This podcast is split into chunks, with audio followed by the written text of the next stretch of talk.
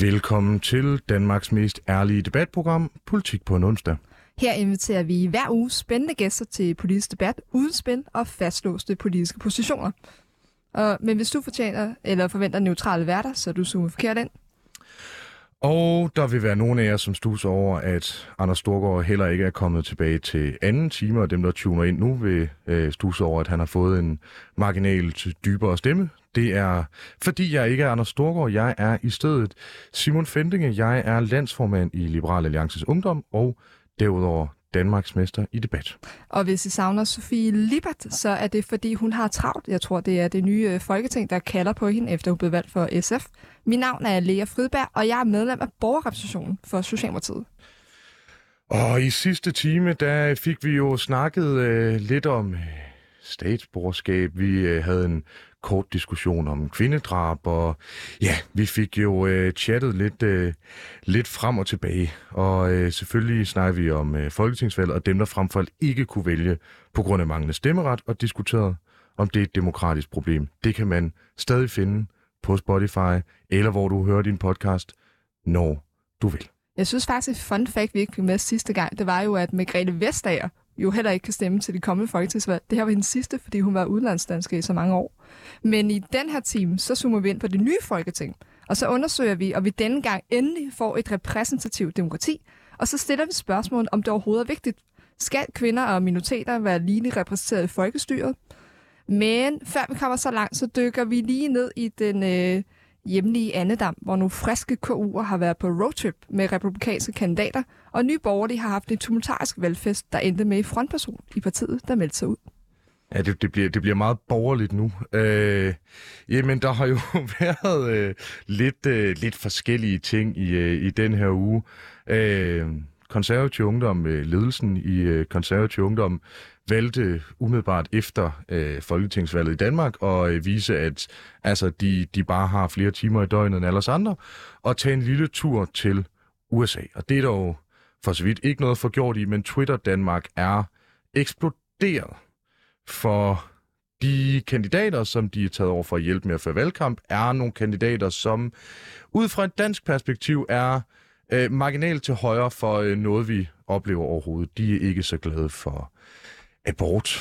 De øh, synes, at øh, det der valgresultat der, det var, det var lidt noget, øh, noget fusk. Øh, og så står de også et sted på, øh, på våbenlovgivningen, hvor øh, Ron Swanson fra Parks and Recreation ville sige, ah, nu tager vi lige en slapper. Og det er, jo, det er jo altid spændende med at få nye perspektiver, men øh, det, som jeg også kunne se på Twitter Danmark, som du siger, det er jo, folk er jo blevet enormt forarvet over, at man har set nogle øh, KU'er simpelthen tager ned, og så de opfatter det støtte de her republikanske kandidater, som mange mener er med til at undergrave demokratiet. Der er mange, der kalder det her midtvejsvalg, der foregår lige nu i USA, som i valg omkring selve demokratiets sjæl i, øh, i USA. Hvor står du egentlig øh, selv nu, du er socialdemokrat? Altså hvis DSU tog og støttede øh, en, øh, en kontroversiel kandidat, altså synes du, at det er fint, hvis bare man får øh, erfaring nok ud af det? Nej, det synes jeg jo ikke. Altså, jeg synes altid, det er fint at få nye perspektiver, og jeg kan jo godt se, at man behøver jo ikke være 100% enig med de partier, som søsterpartier, man skal besøge rundt omkring i verden, for ellers kommer man ikke langt, måske til Sverige maksimalt, ikke? Det har også været svært for os side i Socialdemokratiet. Det kan være, at der lige er, er nogle nye takter undervejs. Men jeg synes, at når du går ned som KU og laver valgkamp for en kandidat, som der vil forbyde abort, som der simpelthen vil undertrykke kvinders ret til at bestemme over for deres egen krop, som der ikke anerkender demokratiet i et andet land, så er vi altså langt over den der med, har de lidt anden holdning til skat, eller øh, hvad, hvad man ellers skal sige der. Altså, det er, jo, det er jo bare spørgsmål omkring selve det her syn på mennesker og syn på demokratiet. Og det synes jeg er, det, jeg synes, det er ret vildt, at man sender unge mennesker over for at støtte dem med øh, pins og det flyers ud, eller hvad det er, de render rundt og laver noget. Altså, jeg, jeg kan jo konstatere, at øh, som en del af et yderfløjsparti, øh, i hvert fald historisk set, at vi har også været over at hjælpe nogle folk, som øh, har været øh, en, en kende specielt dog på, på nogle lidt andre, andre områder. Der har været nogle øh, libertarianer, der har været øh, meget libertarianske.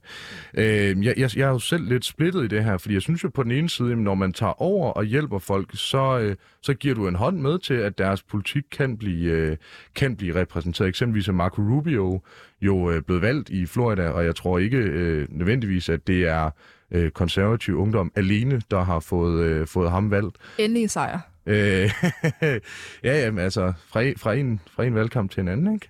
Øh, hvor øh, den ene vil man gerne glemme, og den anden vil vi andre gerne glemme. Øh, at jeg er...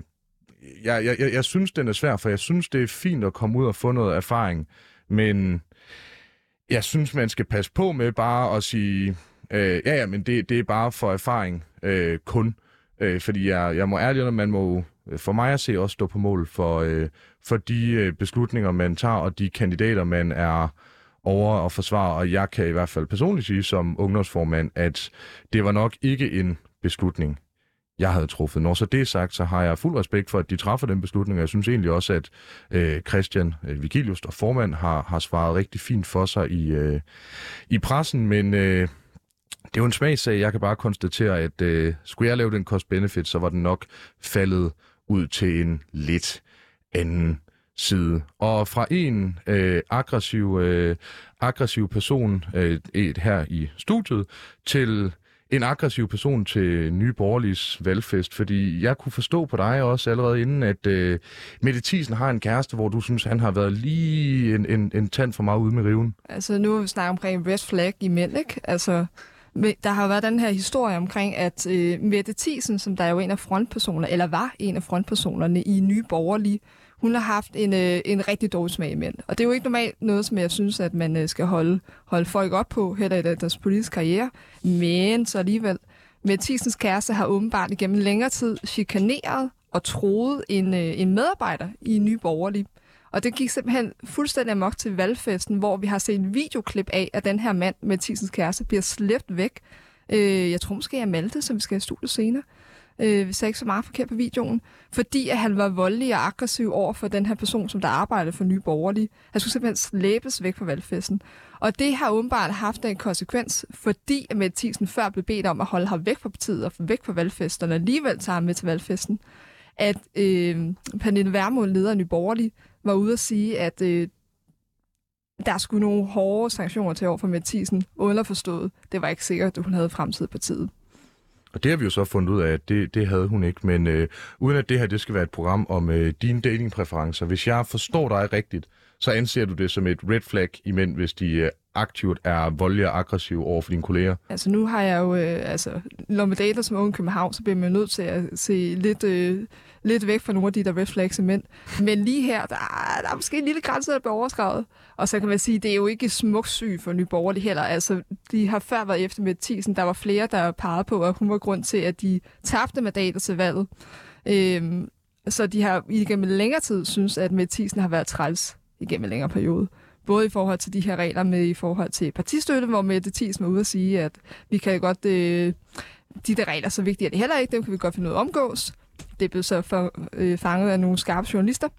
Øh, og så har hun fået nogle skideballer offentligt, så jeg tror simpelthen også, de har ventet på lejlighed til at smide hende ud af partiet, og så endte hun jo med at trække sig selv.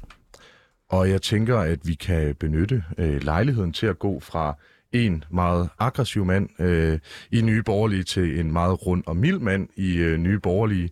Det er nemlig dig, Malte Jæger, der lige er kommet øh, ind af døren. Du er byrådsmedlem i Kærteminde for Nye Borgerlige, og nu øh, er jeg jo ikke normalt vært. Er det første gang, eller er du ved at være rutineret i programmet? Det er første gang, jeg er med i det her program. Og der stiller vi jo, øh, nu ved jeg jo ikke, hvor godt briefet du er på forhånd, men øh, vi plejer jo altid at stille øh, spørgsmålet, hvad du har fulgt med i, hvad der har interesseret dig her den sidste uges tid. Er der noget, der sådan potentielt andet end intern konflikt, der har fanget dit øje? Der har selvfølgelig været midtvejsvalget i USA, men ellers så må jeg nok indrømme, at tiden efter folketingsvalget, den er gået på, at jeg skal komme tilbage på min historiestudier, hvor jeg er meget, meget langt bagud.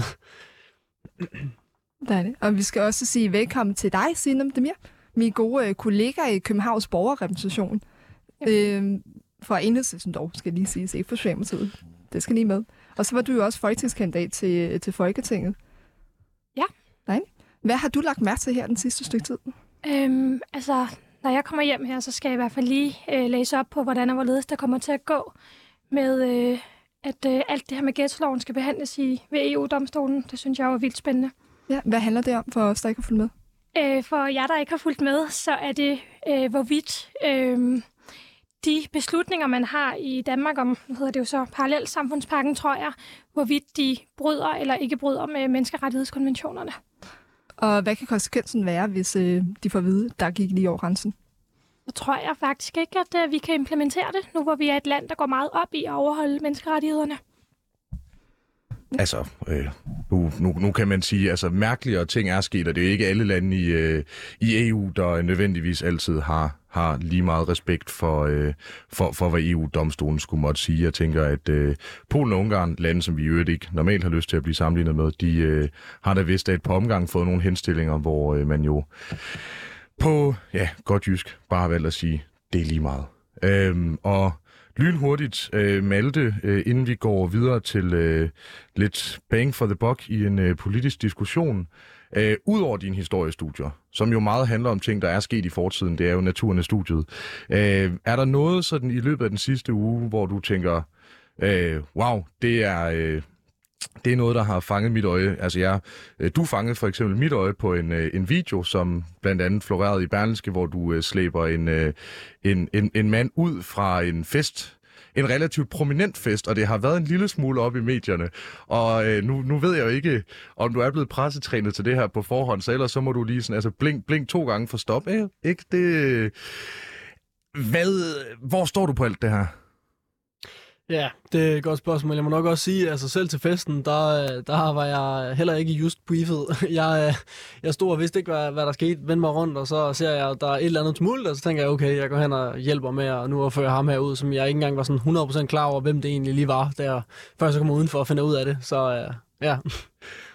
Ja, men det, det, altså, hvordan var stemningen efterfølgende? Øh, jamen, jeg tog faktisk hjem ikke så lang tid efter. Jeg var meget, meget træt. Øh, men øh, den, øh, den var egentlig øh, fin nok. Vi var jo stadigvæk gået frem med to mandater, jeg tror, ja. Og hvordan er stemningen til sådan en valgfest, når øh, altså, I, fik, I gik jo frem, 50 procent frem, øh, men, men har jo så... Øh, altså, I havde jo en periode, hvor I stod altså deroppe, hvor det bliver rigtig, rigtig sjovt. Hvilken stemning fylder mest? Altså det, at I er gået frem, eller det, at I nok ikke er gået så meget frem, som, øh, som nogen måske kunne læse meningsmålingerne tilbage i 2020, starten af 2021? Det er meget blandet, men der er jo ikke nogen tvivl om, at alle de kandidater, der står og siger, at jeg kunne måske godt have kommet ind, de er selvfølgelig lidt nedtrykte, selvom at partiet de har gået frem. Og jeg endte jo også med, at øh, desværre lige præcis ikke kom ind, øh, men så er første supplant. Og det er jo, øh, der er man selvfølgelig lidt mere ærgerlig, men, øh, men alligevel okay på partiets vegne i forhold til, at det var en fremgang. Og øh, samme spørgsmål selvfølgelig også. Øh, var du med til jeres valgfest simpelthen, den store vilde? Jeg var med til vores valgfest. Jeg var nok ikke en af dem, der festede. Øhm, da jeg så, at vi gik så meget tilbage, så på trods af, at flere var over ved mig at sige, ej, men det ser da ud til, at du blev valgt ind, så havde jeg, øhm, det gjorde jeg så i øvrigt ikke, øh, har jeg lidt den indstilling, at det ikke handler om, hvorvidt jeg er blevet valgt ind eller ej, men det handler jo om, hvorvidt det projekt, jeg tror på, klarer sig godt. Så da jeg så, at vi havde tilbagegang, så øh, var der ikke så meget fest for mit vedkommende. Og ren nysgerrighed, øh, hvad er din analyse af, at I er gået tilbage? Altså man skulle næsten tro, at med alt det her midterregeringsvis, at øh, folk øh, havde det med at øh, tage en øh, tur ud på, på yderfløjene. Hvordan kan det være, at øh, de, de yderfløje ikke i det her tilfælde inkluderer enhedslisten? Så jeg kunne lave et uh, 10-minutters uh, rant over, uh, hvorfor vi er gået tilbage. Uh, det har jeg ikke, 1 minut og 21 sekunder. Uh, det, det har jeg ikke tænkt mig at gøre. Uh, men kort sagt, så tror jeg ikke på det der med, at man skal pege fingre af, at uh, valget kom ubelejligt at give et bestemt parti skylden, eller give uh, eksempelvis Alternativet eller Frie Grønne skylden. Jeg synes altid, at man som et politisk parti må kigge indad og kigge på sin egen valgkampsstrategi. Og for at nævne en ting, der er konkret, så synes jeg, at vi som parti måske skulle have fokuseret mere på, hvad vi ville, og hvad man får i enhedslisten, i stedet for at køre, øh, køre kampagne for den samlede røde blok. Øhm, det tror jeg, at vi som parti havde fået mere ud af, i stedet for at lege en stor rød familie. Ja, og Signe, nu, øh, nu kommer du jo svært ikke ind i Folketinget. Du har selvfølgelig stadig dit arbejde i borgerrepræsentationen. Jeg lagde mærke til på Twitter en underlig infight mellem dig og vores anden kollega fra borgerrepræsentationen øh, Ole Birk Olsen fra Liberal Alliance. Vil du fortælle lidt, hvad den gik ud på? Altså, det var, en, øh, det var sjovt at vågne op til, at øh, Ole Birk Olsen havde lavet en, øh, en lang tråd om, at det var forkert, at jeg var jobsøgende, fordi at jeg så som socialist, eller at jeg så var bevis på, at socialisme ikke fungerer, fordi jeg i stedet for at være aktiv jobsøgende inden for mit felt, jeg er uddannet tjener, øh, bare burde starte et kooperativt drevet øh, restaurant Øhm, jeg kan så hilse at sige, at øh, tjenerlønnen grundlønnen er på 21.000, og jeg har brugt min opsparing på at være kandidat, så jeg har altså ikke lige øh, startkapital. Og jeg har heller ikke lige planer om at gå over i banken og låne en masse penge midt under en inflationskrise. Jeg har det faktisk fint nok med at arbejde øh, for nogle andre. Øh, jeg synes, jeg er dygtig til mit arbejde. Her, her vil jeg bare lige sige, som finansieringsspecialist, det bedste tidspunkt at låne penge på er, når der er bullerne inflation. Det er med til at reducere din gæld. Det er så øh, bare Okay. en... Men for nu lige at tage the opposing view, øh, Ole Birks, det han jo sådan set bare siger, det synes jeg jo øh, faktisk, det, det du siger er et øh, ret stærkt bevis på, er jo netop, at jamen, det viser, hvorfor at der er kapitalistiske virksomheder, der fungerer, hvorfor der er et kapitalistisk system. Fordi du siger jo selv, og det synes jeg er fuldstændig legitimt, jeg er også selv risikoavers på den onde ting, men at du ikke vil tage den risiko, du vil ikke gå ned i banken og låne penge, at der er rent faktisk behov for nogen, der tager de her chancer, som eksempelvis kan ansætte tjenere, måske endda også til en bedre løn end 21.000 til 24, 27, 30 eller 100.000, hvis det er det, der, øh, der kan betale sig. Det synes jeg jo er en, en meget super pointe. Jeg tror øh, hverken øh, Ole eller jeg øh, er imod øh, kooperativer, andelstankegangen eller, eller lignende, men øh, det var blot et forsvar for den dejlige, dejlige kapitalistiske model, som varmer mit hjerte og som jeg synger til hver eneste morgen. Nu kan jeg se, at der er to, der er ved at splitte mig. Hvem, altså, det må I skulle fordele Man imellem kan jer. bare sige, et, hurtigt argument derimod, det var, at jeg husker, at der er nogle øh, restauranter, der stod og skreg på tjener lige efter coronatiden, hvor vi åbnede op igen, fordi vi manglede tjener. Mm. Så måske i stedet for at dygtig for at sige dem, så der er uddannet og sikkert skide god til at være tjener, øh, starter kooperativ. Det kunne du sikkert godt finde ud af, men vi har jo også brug for tjener. Det er jo også ekstremt nedgørende over for den her faggruppe at sige, du burde jo bare starte din egen business, så vil du aldrig være arbejdsløs. Jeg, jeg, jeg tror, hvis, hvis ens opfattelse af Oles kommentar var, at Ole han forsøgte at lege jobcenter, så uh, tror jeg, man læser det som fanden læser Bibelen. Uh, pointen, uh, synes jeg, var, var meget sober, nemlig for at illustrere, at jamen, der er rent faktisk de her muligheder, og jeg kender ikke den konkrete jobsituation inden for, inden for tjenerværet. Jeg ved dog, at der er en historisk mangel på arbejdskraft i Danmark, så jeg tænker ikke, at øh, du kommer til at, at gå ledig længe. Øh, men, men hvor hans pointe jo netop er, at der er også behov for folk, der tager den her risiko. Der er behov for øh, kapitalhavere, øh, de onde kapitalhavere. Og jeg synes sådan set, det er en færre illustration. Øh, havde jeg gjort det på samme måde?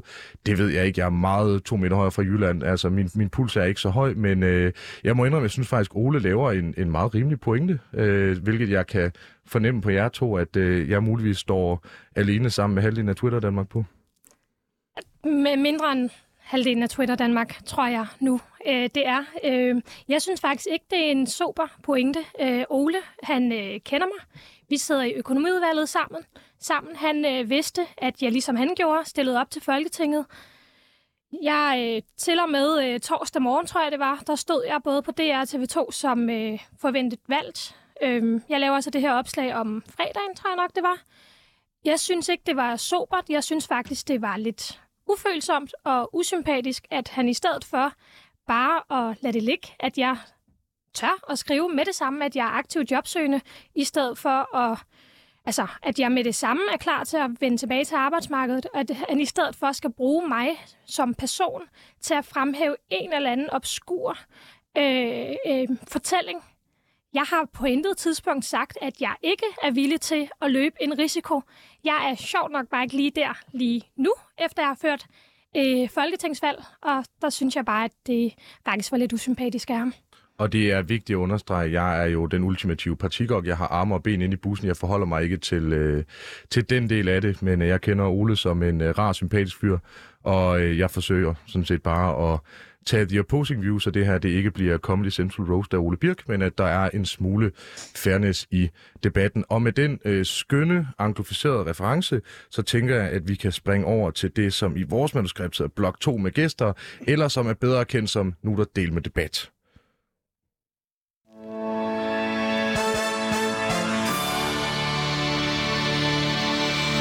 Du lytter til Politik på en onsdag med Simon Fending og Lea Fridberg. Og vi har besøg af Malte Jæger fra Nye Borgerlige og Sinem Demir fra Enhedslisten. Og i denne time, der zoomer vi ind på det nye folketing og undersøger, om vi den her gang får et repræsentativt demokrati. Og så stiller vi spørgsmålet om, hvor, om det er, er det overhovedet vigtigt, at kvinder og minoriteter er ligeligt repræsenteret i folkestyret. Ja, for det har været et historisk flot valg for ligestilling, mellem kønnene i hvert fald. 79 kvinder er valgt ind, hvilket svarer til, at 44 procent af de nye folketingsmandater er kvinder. Mindre flot sat ud i forhold til repræsentationen af minoritetsetniske danskere. Jeg ved ikke med jer, men jeg har kunnet tælle øh, fire i hvert fald, og det er Victoria Velasquez, din kollega fra Ø, Samia Navarre fra øh, Radikalen, Christina Unemeko fra, øh, fra Tertid, vores anden kollega fra Borgerreppen, og øh, Monika Rubin fra Moderaterne. Øh, ja, fire i hvert fald for min hånd. Jeg har fået at vide ifølge Danmarks Statistik, at man kun kan tælle folk med, hvor begge forældre er født i udlandet. Ja. Jeg troede også, det var, at Victoria eksempelvis talte med, men så blev jeg korrekset af en journalist, Så om tallet er at enhedslisten har 0. Jeg tror, at tallet er 2. Hold op. Det er, jeg har personligt ikke været i korrespondence med øh, Danmarks Statistik desangående, men øh, jeg tager jeres ord for det. Men øh, hvis de navne, du læste op, står til trone, så er det fire. Hvis vi trækker en fra, så er jeg rimelig sikker på, at tallet bliver til tre. Men spørgsmålet er, er der andre relevante faktorer, der også kunne være værd at kigge på? Det kunne være alder, arbejdsmæssig baggrund, og altså, kan man ikke stille spørgsmål, om det overhovedet er et problem? Og kan man så i øvrigt også spørge sig selv, stopper det aldrig? Hvad stopper aldrig?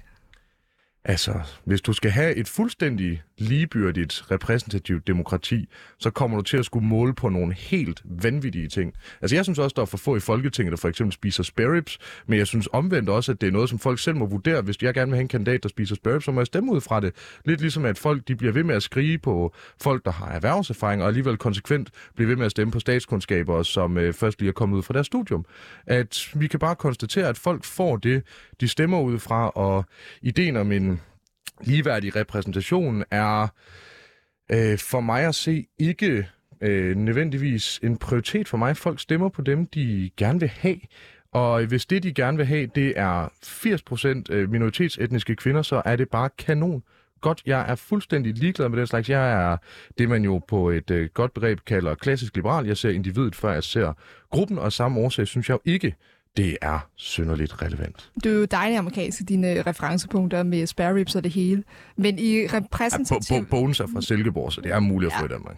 Det er godt. Altså, vi importerer jo alt det kultur her ind til Danmark. Det har jeg jo hørt nogle øh, brokse over, over for Nyborg i hvert fald.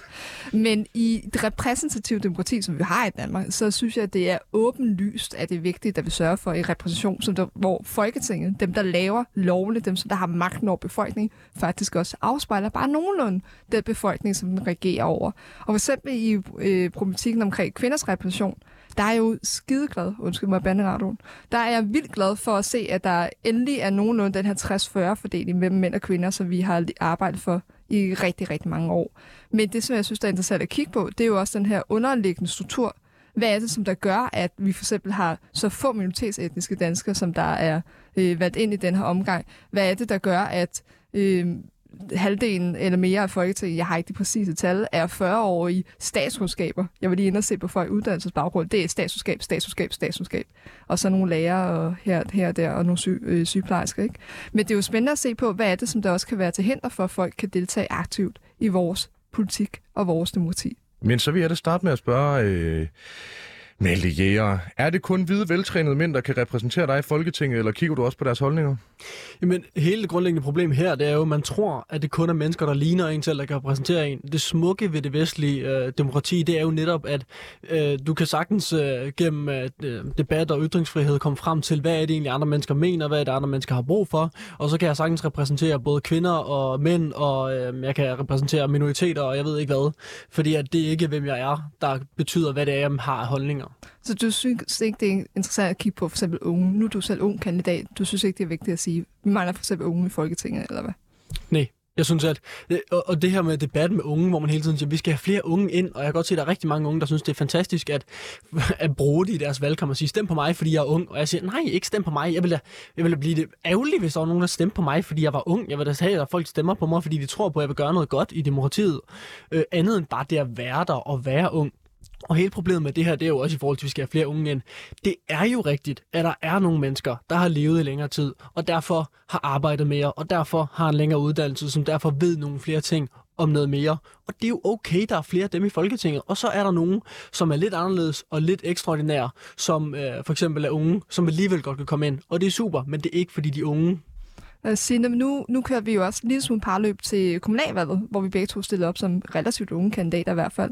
Og jeg hørte jo mange, både mig selv og nogle af de andre kandidater, der var unge, sige det her med, det er vigtigt, at vi får unge ind, fordi unge har en anden viden omkring samfundet. Vi forstår, hvordan det er at øh, betale husleje med en SU, og vi forstår, hvor vigtigt det er at gøre noget med klimakrisen, fordi det også ligesom ligger med konsekvenserne af, når jorden ligesom brænder op. Har du en, en præference i forhold til det her med, skal vi også have sådan noget med ind i faktoren, når vi ser på, hvad for nogle kandidater vi stiller op, og hvad for nogle, som vi vælger til Folketinget for eksempel? Ja, altså helt klart. Jeg synes, det er så vigtigt, at jeg siger ikke, det skal være en til en, men at Folketingets sammensætning og egentlig også kommunalbestyrelser er så repræsentativ i forhold til befolkningssammensætning som muligt. Fordi selvom man kan være en dygtig politiker og sætte sig ind i alle mulige problemstillinger, så kan man bare have nogle blinde vinkler, hvis man ikke selv står i de, med de udfordringer til daglig. Det var jo netop derfor, vi havde så meget ungefokus op til kommunalvalget, og generelt det her med repræsentation i forhold til, at vi endelig har fået valgt flere øh, kvinder ind til, i Folketinget, kunne vi jo også se op til folketingsvalget, at der for første gang var så mange kvinder, der stillede op.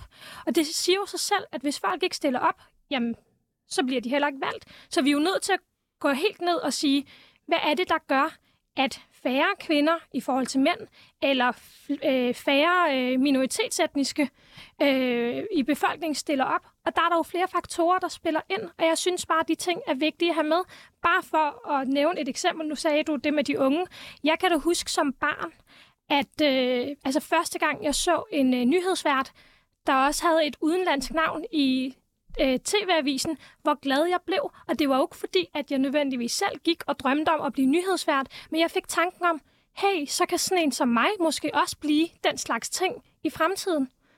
Altså, og det er det samme med arbejdsbaggrund. At kunne se en anden fra restaurationsbranchen være medlem af Folketinget, det, det giver dig håb for rigtig mange øh, unge tjenere og kokkeelever. Det er jeg slet ikke i tvivl om. Okay. Øh, hvorfor tror du, folk er så dårlige til at stemme? Hvorfor folk er så dårlige til at stemme? Ja, hvorfor folk ikke øh, skaber et repræsentativt folketing? Jeg tror, udfordringen er mere, hvorfor er der så få, der stiller op? Nej, altså, der er jo, i så fald så er det nemmere for kvinder at komme i Folketinget, end det er for mænd. Der er jo færre kvinder, der har procentvis stillet op, end der er mænd, som så alligevel er kommet ind. Så det giver jo ikke nogen mening. Og det andet i forhold til øh, unge og gamle, altså, du kan jo sagtens have unge på dagsordenen, og så alligevel have nogle voksne, der, der, nogle ældre, der bliver valgt ind. Ligesom jeg sagtens skal have ældre på dagsordenen og sige, jamen vi skal have et friplejehjem i Kataminde Kommune, vi skal have flere fri, fri, friplejehjem i hele landet. Og det, jeg behøver jo ikke at være øh, på plejehjemmet for at, øh, for at vide, at vi skal have det. Og, og så er det andet igen det her med, som Simon kom fint ind på, hvornår stopper det så? Altså så, så snakker vi om minoriteter hvor mange øh, pakistanere skal vi have inde, og hvor mange tyrker, og hvor mange syrer, og hvornår stopper det på et eller andet tidspunkt, hvor vi lige præcis skal have? Fordi kan en tyrker også godt forstå, hvordan en syrer har det? Men, måske ikke. Men, men man kan jo sige, det er hurtigt modargument, det der med, at kvinder har nemmere med at blive valgt, fordi færre af dem er stillet op, men så procentvis flere bliver så valgt ind i Folketinget. De er 44 procent, hvor jeg tror, det var nogle 30 procent, der var stillet op som kvinder. Ikke? Så det hurtige modargument er jo, kvinder udgør halvdelen af befolkningen. Kvinder udgør i stort del i hvert fald vores vælgerbase. Og så stemmer man nogle gange også på folk, som der ligner en. Det tror jeg, vi alle som lidt kender. Man, man leder efter folk, man kan spejle sig i, også i politik. Så det hurtige argument er jo at sige, så mangler vi jo flere kvinder, der stiller op i første omgang. Igen, du kan sagtens blive repræsenteret af en, en, en mand, selvom du er kvinde, og så har han de mærkesager, ligesom jeg sagtens kan repræsentere nogle ældre, fordi jeg kan sige, at vi skal have friplejehjem. Og det andet problem i forhold til det der er, altså, så kommer det næste. Hvad vil du gøre? Vil du tvinge flere kvinder til at stille op, selvom de åbenbart ikke gider? Det vil jeg da ikke. Kvinder, altså, det er jo lige præcis forskel. Problemet med feminisme nu, det er jo, at du har ligestilling i muligheder, og så har du ligestilling i slutresultat. Ligestilling i muligheder er fuldstændig fantastisk, og slutresultat, det er jo forfærdeligt. Det er jo kommunisme. Det er jo, ja. Okay, først og fremmest, der er, ikke, der er ikke nogen her, der har påstået, at man som kandidat ikke også kan repræsentere andre grupper. Det var faktisk det, jeg lagde ud med at sige. Jeg tilføjede bare, at selvom man sætter sig rigtig godt ind i en sag, og selvom man mener det, så kan man have blinde vinkler. I forhold til det andet, der er ikke nogen, der taler om tvang. Der er ikke nogen, der taler om at tvinge kvinder til at stille op. Men vi kan jo kigge på, hvad er det, der gør, at der er færre kvinder, der stiller op, og måske gør noget ved de barriere? Jeg tror for eksempel, de øh, både MeToo-bevægelse 1 og 2 har gjort en forskel i forhold til, at der er flere kvinder, der har ture at stille op i politik, fordi at flere partier har taget et grundlæggende opgør med meget af den dårlige kultur, der har været i politik. Det tror jeg er en ikke den eneste, men en af grundene til, at vi ved det her folketingsvalg ser, at der er flere kvinder, der er blevet valgt, fordi der er flere kvinder, der har valgt at stille op. Men nu nævner du også tidligere det her med, at øh, det er nemmere for øh, studerende at forstå, hvordan det er at skulle betale husleje på en SU.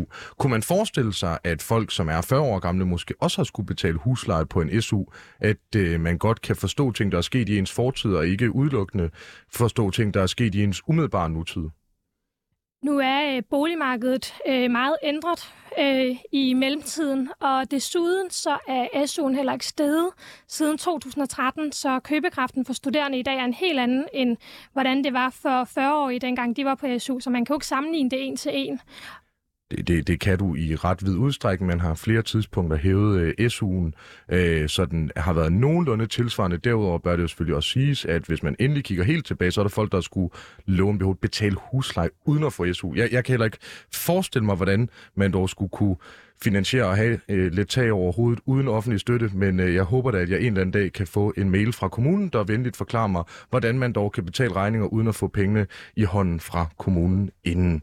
Lea, du har hånden op. Men jeg synes jo, det er spændende med, jeg, jeg hører rigtig mange af mine borgerlige venner snakke omkring det her med, at repræsentativitet i forhold til, hvem stiller op og hvem der bliver valgt, det er ikke så vigtigt i dag. Men jeg hører de samme af mine borgerlige venner sige, det er vigtigt, at øh, vi får nogle gode jyske kandidater ind på vores hold, så vi for eksempel kan basere øh, yder Danmark, eller det glemte Danmark, som jeg ved, at øh, Inger Støjberg i hvert fald slår sig enormt meget op på. Jeg hører også rigtig mange sige det her med, at vi har brug for flere ikke akademikere, ikke alle de statsudskaber. Nu skal vi have faglærte ind i Folketinget, for at repræsentere en ægte virkelighed. Og jeg tror også, jeg, hvis jeg husker rigtigt, at Pernille Vermund jo slog sig op på det her med, hun var ikke politiker. Hun var et rigtigt menneske, der havde arbejdserfaring ud fra virkeligheden, og derfor kunne repræsentere den almindelige dansker. Hvordan er det så meget anderledes for det, vi snakker om, det her med, at man repræsenterer nogle erfaringer, som man tager med ind i Folketinget, når man laver lovgivning og gør en forskel? Det, det er der et meget, meget nemt svar på. Øh, at grunden til, at man i så fald vil opstille øh, de her forskellige kandidater, det er, fordi der er folk, der har de her konkrete præferencer. Ligesom det er en god idé at opstille en kvinde i hver kreds, fordi der vil være nogen, som stemmer på kvinder af forskellige årsager. Folk stemmer jo også, som I, I tidligere siger, på folk, der minder om en selv. Der er bare en væsensforskel på at gøre det for at maksimere stemmetal som parti, og så om man eventuelt skal ændre på noget for at nå til det resultat, hvor Folketinget nødvendigvis afspejler befolkningen, hvor det ikke længere afspejler præferencer, men hvad folk er. For jeg synes personligt, det er ret ærgerligt at øh, degradere folk til deres sociodemografi, men jeg synes tilsvarende, det er øh, helt fair og i øvrigt en, hjørne, altså en grundsten i demokratiet, at man gør, hvad man kan for at maksimere sit, sit partistemmetal. vil faktisk gå så langt som til at sige, at hvis man ikke gør det, så øh, er man et relativt dårligt parti, og så skal man nok øh, have en HR-chef til at kigge rundt igennem, hvem det er, der sidder og træffer beslutninger. Men det er jo spændende, så handler det jo rent om vælgermaksimering, og ikke om ideologi, siger du, i forhold til de kandidater. Lea, er du socialdemokrat? Ja. Okay. CNM, hvad vil du gerne sige? Jamen, jeg synes bare, det var interessant, øh, nogle af de ting, du sagde, og fik det til at handle om øh, vælgemaksimering. Jeg tror, at hverken Lea eller jeg, vi øh, snakker om, at vi skal ind og detaljstyre, øh, hvordan, hvem der må stille op til Folketinget. Siger bare, at vi bare må være ærlige omkring, at der er nogle grupper i det her samfund, der historisk set har haft nogle barriere for at stille op. Der har været grunden til, at øh, der har været færre kvinder, der har stillet op. Blandt andet fordi, at der har været en ringe kultur i politik, hvor flere kvinder har haft svært ved at stille op i forhold til etniske minoriteter. Altså, vi kan da kigge på, at 10 procent af den danske befolkning ikke engang har stemmeret, og hvis man ikke har stemmeret, så kan man heller ikke stille op. Der er jo mange ting, der er jo mange ting, der spiller ind. Der er vi bare ærlige, må vi bare være ærlige og sige, hvis der er nogle barriere for, at der er nogle bestemte grupper, for at de kan stille op, så er vi jo måske nødt til at kigge på de barriere. Det er jo ikke, fordi vi vil tvinge nogen til at stille op, men give dem de lige muligheder for at kunne stille op. Okay, og øh, inden vi lige øh, går til en lille skiller, så øh, udover, at jeg vil sige, der er ikke nogen af de partier, der er repræsenteret her i dag, som kan sige sig fri for vælgermaksimering overhovedet. Det er øh, et vilkår. Så vil jeg bare stille et meget simpelt spørgsmål til dig, øh, Signe. Nu er det 44-56 øh, mænd kvinder, ikke? Oh. Øh, er, det, er det nok? Er det godt nok, eller skal vi gøre mere? Ja, bare ja-nej spørgsmål. Du kan ikke få et ja-nej-spørgsmål. Okay, så øh, du må gerne lige bruge 10-15 sekunder på at, på at uddybe. Jeg kan ikke sætte en grænse for, hvornår det er nok. Det er nok, når jeg er sikker på, at der ikke er lige så mange barriere for kvinder, som der er for mænd. Og er du sikker på, at der ikke er lige så mange barriere for kvinder, som der er for mænd? Ja. Okay.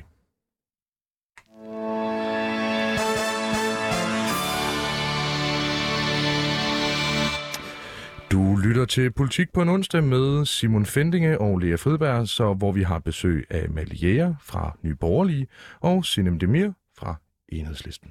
Vi snakker omkring repræsentation i Folketinget, og dette folketingsvalg har været historisk i forhold til at sikre i hvert fald repræsentationen mellem mænd og kvinder. Til gengæld handler det stadig gevaldigt for de etniske minoriteters repræsentation i Folketinget. Og før havde vi en dejlig, generel og bred, nærmest djøffet diskussion om, hvorvidt øh, Folketinget var repræsentativt, og om det var et problem. Og nu spørger vi så, hvad årsagen kan være. Og øh, Sinem, hvorfor øh, tænker du, at så få øh, eksempelvis etniske minoriteter er repræsenteret i det nye Folketing? Øh, tidligere sagde vi fire, det blev så korrekset til tre. Altså, det er jo en relativt lille procentdel. Der, der er jo nok mange grunde, der spiller ind. Jeg tror, den ene grund er, at der først og fremmest ikke er særlig mange, der stiller op. Og øh, det tror jeg så, der er to grunde til. Den ene årsag til, at der er så få, der stiller op, det er, at øh, 10 procent af den danske befolkning faktisk ikke har stemmeret, og derved heller ikke ret til at stille op, fordi statsborgerskabsreglerne er blevet så vanvittigt stramme på grund af den her strammer ting, vi har kørt de seneste 20 år. Den anden begrundelse ved jeg også fra rigtig mange af mine familiemedlemmer, at altså, de går ned og stemmer, det er ikke det, men de kunne bare ikke forestille sig selv være i politik, fordi de er så trætte af at blive talt om. De er så trætte af at blive talt negativt om, at de egentlig bare gerne vil passe deres uddannelse og deres arbejde, og så helst være fri for, at nogle andre skal tale grimt om dem. Men hvis vi skal finde nogle løsninger her, så har vi jo set sådan en som Sikander Siddiq, øh, der stillede op med Frie Grønne, øh, have en meget klar strategi her i valgkampen om at tale netop til de minoritetsetniske danskere, og også prøve for mange kandidater, som der også havde en øh, minoritetsetnisk baggrund til at stille op. Er det en løsning, som du kan se for jer, for eksempel vi enhedslisten begynder at arbejde mere med? Så i enhedslisten, der har vi en meget klar øh, udlændingepolitik, flygtningepolitik med mere. Og øh, jeg tror bare, vi skal holde øh, fast i den, uden at komme til at... Øh, slingre i den kurs. Jeg kan ikke se for mig, at vi som parti skulle være en enkeltsagsparti og gå efter én ting. Vi er bredt funderet ideologisk som et socialistisk parti, øh, og det er det, vi skal holde fast i. Men jeg tror, det havde været en fordel, at øh, hvis eksempelvis jeg eller et par, en anden af vores øh, kandidater var blevet stillet op for ligesom at give mere pondus til den politik, vi så også har. Ja, fordi den måde, I stiller kandidater op på, det er jo, hvis jeg husker rigtigt, at jeres hovedbestyrelse vælger Nej, du, øh, du ryster på hovedet. Men gør I nok for, som enhedslisten, at opstille de her øh, kandidater, som der også spejler minoritetsetniske danskere? Både ja og nej. Øh, man kunne godt gøre mere, men så skal vi ud i nogle øh, ekstreme vedtægtsændringer. Den måde, vi vælger kandidater på, det er faktisk øh, bred medlemsdemokrati. Det er vores medlemmer, der stemmer elektronisk, hvorefter vi så sammensætter en øh, liste også ud fra lokale ønsker. Øh, så så det er det, man skal pille ved, og det er jeg egentlig ikke øh, tilhænger af. Jeg kan godt lide, at vi ikke har et eller andet råd eller en bestyrelse, der udpeger kandidater, men at det faktisk er noget, alle medlemmerne er med til. Så mere frit valg.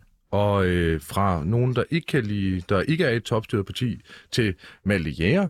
Øh, Malte, hvor, øh, hvor står du på det her? Altså, øh, jeg går ikke ud fra, at I nødvendigvis skal ud og øh, markedsføre benhårdt til Fri Grønnes øh, tabte 0,6 procent, men øh, altså, hvor, hvor står du på alt det her med altså eksempelvis etniske minoriteter? Altså er det ikke en, øh, er, er det ikke en udfordring, og er det ikke noget, som man eksempelvis kan komme til at løse med enkeltstatspartier? Nej, jeg tror, jeg tror også nogle gange, at man er nødt til bare at forstå, at jamen, det er ikke sådan, at vi skal insistere på, at nu er der en gruppe, der hedder 40-44 år, som måske ikke uh, stiller lige så meget op som andre grupper, og så nu skal vi sætte et eller andet ind for at sørge for at gøre dem mere aktive i demokratiet. Det synes jeg er helt galt, og og det andet i forhold til, øh, til, forhold til kvinder og mænd er også bare, men jeg er altså nødt til at forstå, at der er forskel på mennesker, og der er også forskel på mænd og kvinder. Altså, der er visse grunde, der gør, at kvinder de ikke i lige så høj grad ønsker at tage øh, lederstillinger, og, der er en, øh, der, der, og det er det samme i forhold til, at der er ikke lige så mange kvinder, der ønsker at komme i Folketinget. Ja, øh, det, det er jo en spændende holdning. Altså, med, med lige præcis den argumentation, hvis du bruger den, du siger, at der er forskel på mænd og kvinder, mm. er det så ikke vigtigt, at både mænd og kvinder er repræsenteret i Folketinget? Øh, nej, der er forskel på alle mennesker, og alle mennesker kan stadig godt forstå hinandens positioner, men det gør ikke, at alle mennesker skal være i Folketinget. Så det er kun bestemte virkeligheder. Altså for eksempel, lad os sige, nu har vi haft en lang tid overportion af mænd i Folketinget. Betyder det så ikke med de argumentationer om, at der er forskel på mænd og kvinder, at særligt mænds interesser og perspektiver bliver repræsenteret i den lovgivning, som vi laver i Danmark? Nej, fordi kvinder kan stemme, så kvinder stemmer på den mand, der kan repræsentere dem og de holdninger, de har. Det er jo netop sådan, altså et repræsentativt demokrati hænger jo netop sådan sammen. Du kan stemme på en, der repræsenterer dig, det behøver ikke være en, der ligner dig. Altså bare fordi du har rødt hår, så burde du ikke stemme på en, der har rødt hår, fordi de muligvis går ind under dine interesser. Altså det, det, det er ikke sådan, at vi skal have flere rødhår i Folketinget. Det synes jeg. Ja, men det, Vi har gjort, hvad vi kunne i enhedslisten. Tak for jeres Vi har en rød, rødhåret i hvert fald. det er vi også. Det har I også. Så kan være, at krydset bliver sat der næste gang. Hvem ved? Men i forhold til det her med mænd og kvinders forskellige præferencer, Sina var jo inde på det før. Altså, vi har jo haft i dansk politik et meget offentligt opgør med den sexisme, som der har været meget tydeligt og blevet afdækket i bevægelsen. En blandt os, som der tog opgør med sexisme i dansk politik. Og der har vi jo også, i hvert fald for Socialdemokratiet siden, været inde og sige, hvordan kan vi skabe nogle rum, der gør, at folk føler sig tryggere ved at være, også som kvinde. Og jeg tror helt ærligt, der kigger jeg også på mit eget parti og sparker døren ind og siger, tag jer nu sammen. Eller sådan, når jeg er nede i øh, lokalforeninger, mit egen lokalforening er blevet lidt bedre i forhold til repræsentation af kvinder og unge. Men meget ofte i dansk politik, så er det sådan, hvis du går ned i lokalforeningen, de gamle store partier, Venstre, Socialdemokratiet, Konservative, Radikal, så er det altså øh, Bob og Ib og Karsten, som der har været aktivt dernede i gode 30 år efterhånden, så der sidder og afgør, hvem der er, som der bliver stillet op som kandidat. Og det kan være svært at komme ind i nogle rum, hvis du er den eneste i det rum, som der for eksempel er ung, for eksempel er kvinde, for eksempel er minoritetsdansker, og som føler sig velkommen og repræsenteret, og måske også gør det stemme gældende. Der har vi jo også et ansvar som politiske partier, om du så er nyborgerlige, eller Liberale Alliance, eller Enhedslisten, eller Socialdemokratiet, at sige, hvordan kan vi gøre, at alle danskere føler sig velkommen i det parlamentariske system. Synes du, øh, er dit indtryk, at alle danskere ikke føler sig øh, repræsenteret, eller i hvert fald velkomne? Det synes jeg, vi har set klare eksempler på. Altså, en blandt os var jo en masse vidensbyrd på, hvordan det kunne være ekstremt ubehageligt at være politisk aktiv, hvis du er kvinde, fordi du så risikerer at blive udsat for sexisme i lokalforeningen eller i Folketinget. En, ja, en blandt os var jo den her bevægelse, hvor at der var, jeg tror det var 179 vidnesbyrd på, at der var sexisme i dansk politik, og så var der desværre rigtig mange grimme eksempler på alt fra øh, chikane til voldtægt desværre, øh, og generelt bare nederen sexistisk opførsel mod kvinder i dansk politik på tværs af partierne. Og vi så jo også sexisme selv under den her valgkamp, endda øh, på en af de en af de bedste spalter i informationen, hvor øh, journalisten øh, øh Lasse Ellegaard, som jeg egentlig har haft dyb bemærk, har haft øh, dyb respekt for, øh, valgte sin spalteplads på at være vildt sexistisk, både over for øh, enhedslistens politiske ordfører igennem tid, men også over for Pia Olsen Dyr. Der, der synes jeg bare, det er ærgerligt, at vi ikke er nået længere. Altså, det, det gør jo bare, at man som kvinde, så, så, så ser du enten for, øh, for spændende ud, eller også så ser du for husmoragtig ud. Altså, hvad fanden skal man stille op? Hvad var hvis det man... præcis, han sagde til vores lyttere, der ikke har læst artiklen? Ja, øh, jamen han mente, at vi øh, i enhedslisten på kynisk vis øh, valgte samme type politiske ordfører, udelukkende på grund af deres udseende, og på den måde negligerede både Johannes Schmidt Nielsen, Pernille Skipper og nu øh, Maja Villersen. Og i forhold til øh, Pia Olsen Dyr, så sagde han, at hun havde den her husmoragtige fasong. Ja. Så. Det var bare, altså, hvis vi altid... Selvfølgelig er der muligvis, eller har der i hvert fald været nogle problemer i forhold til, hvis folk de ikke bliver behandlet ordentligt. Vi kan jo alle godt blive enige om, at folk de skal behandles ordentligt. Men altså, for en ny borgerlig Fyns Storkreds, der er der også en enkelt kreds, hvor vi ikke havde nogen opstillet. Så vi havde, øh, var vi så otte på listen i stedet for ni. Øh, er det øh, et øh, demokratisk problem, at der formentlig er mere øh, diskrimination og flere, der ikke opfører sig ordentligt over for nogen, der er så højreorienteret, som jeg er? Der er jo en hel del flere, der rækker fuck og ikke snakker ordentligt, og jeg ved ikke hvad, når jeg går på gaden. Øh, det er et demokratisk problem, vi også skal gå ind og gøre noget ved. Det er ellers som, øh, hvis vi nu endelig skal bruge øh, det danske sprog, relativisme, som vi også vendte i sidste time. Med de ord, så tænker jeg, at vi tager en lille skiller, og så er vi klar til 9 minutter og 37 sekunders fuld skrald til allersidst.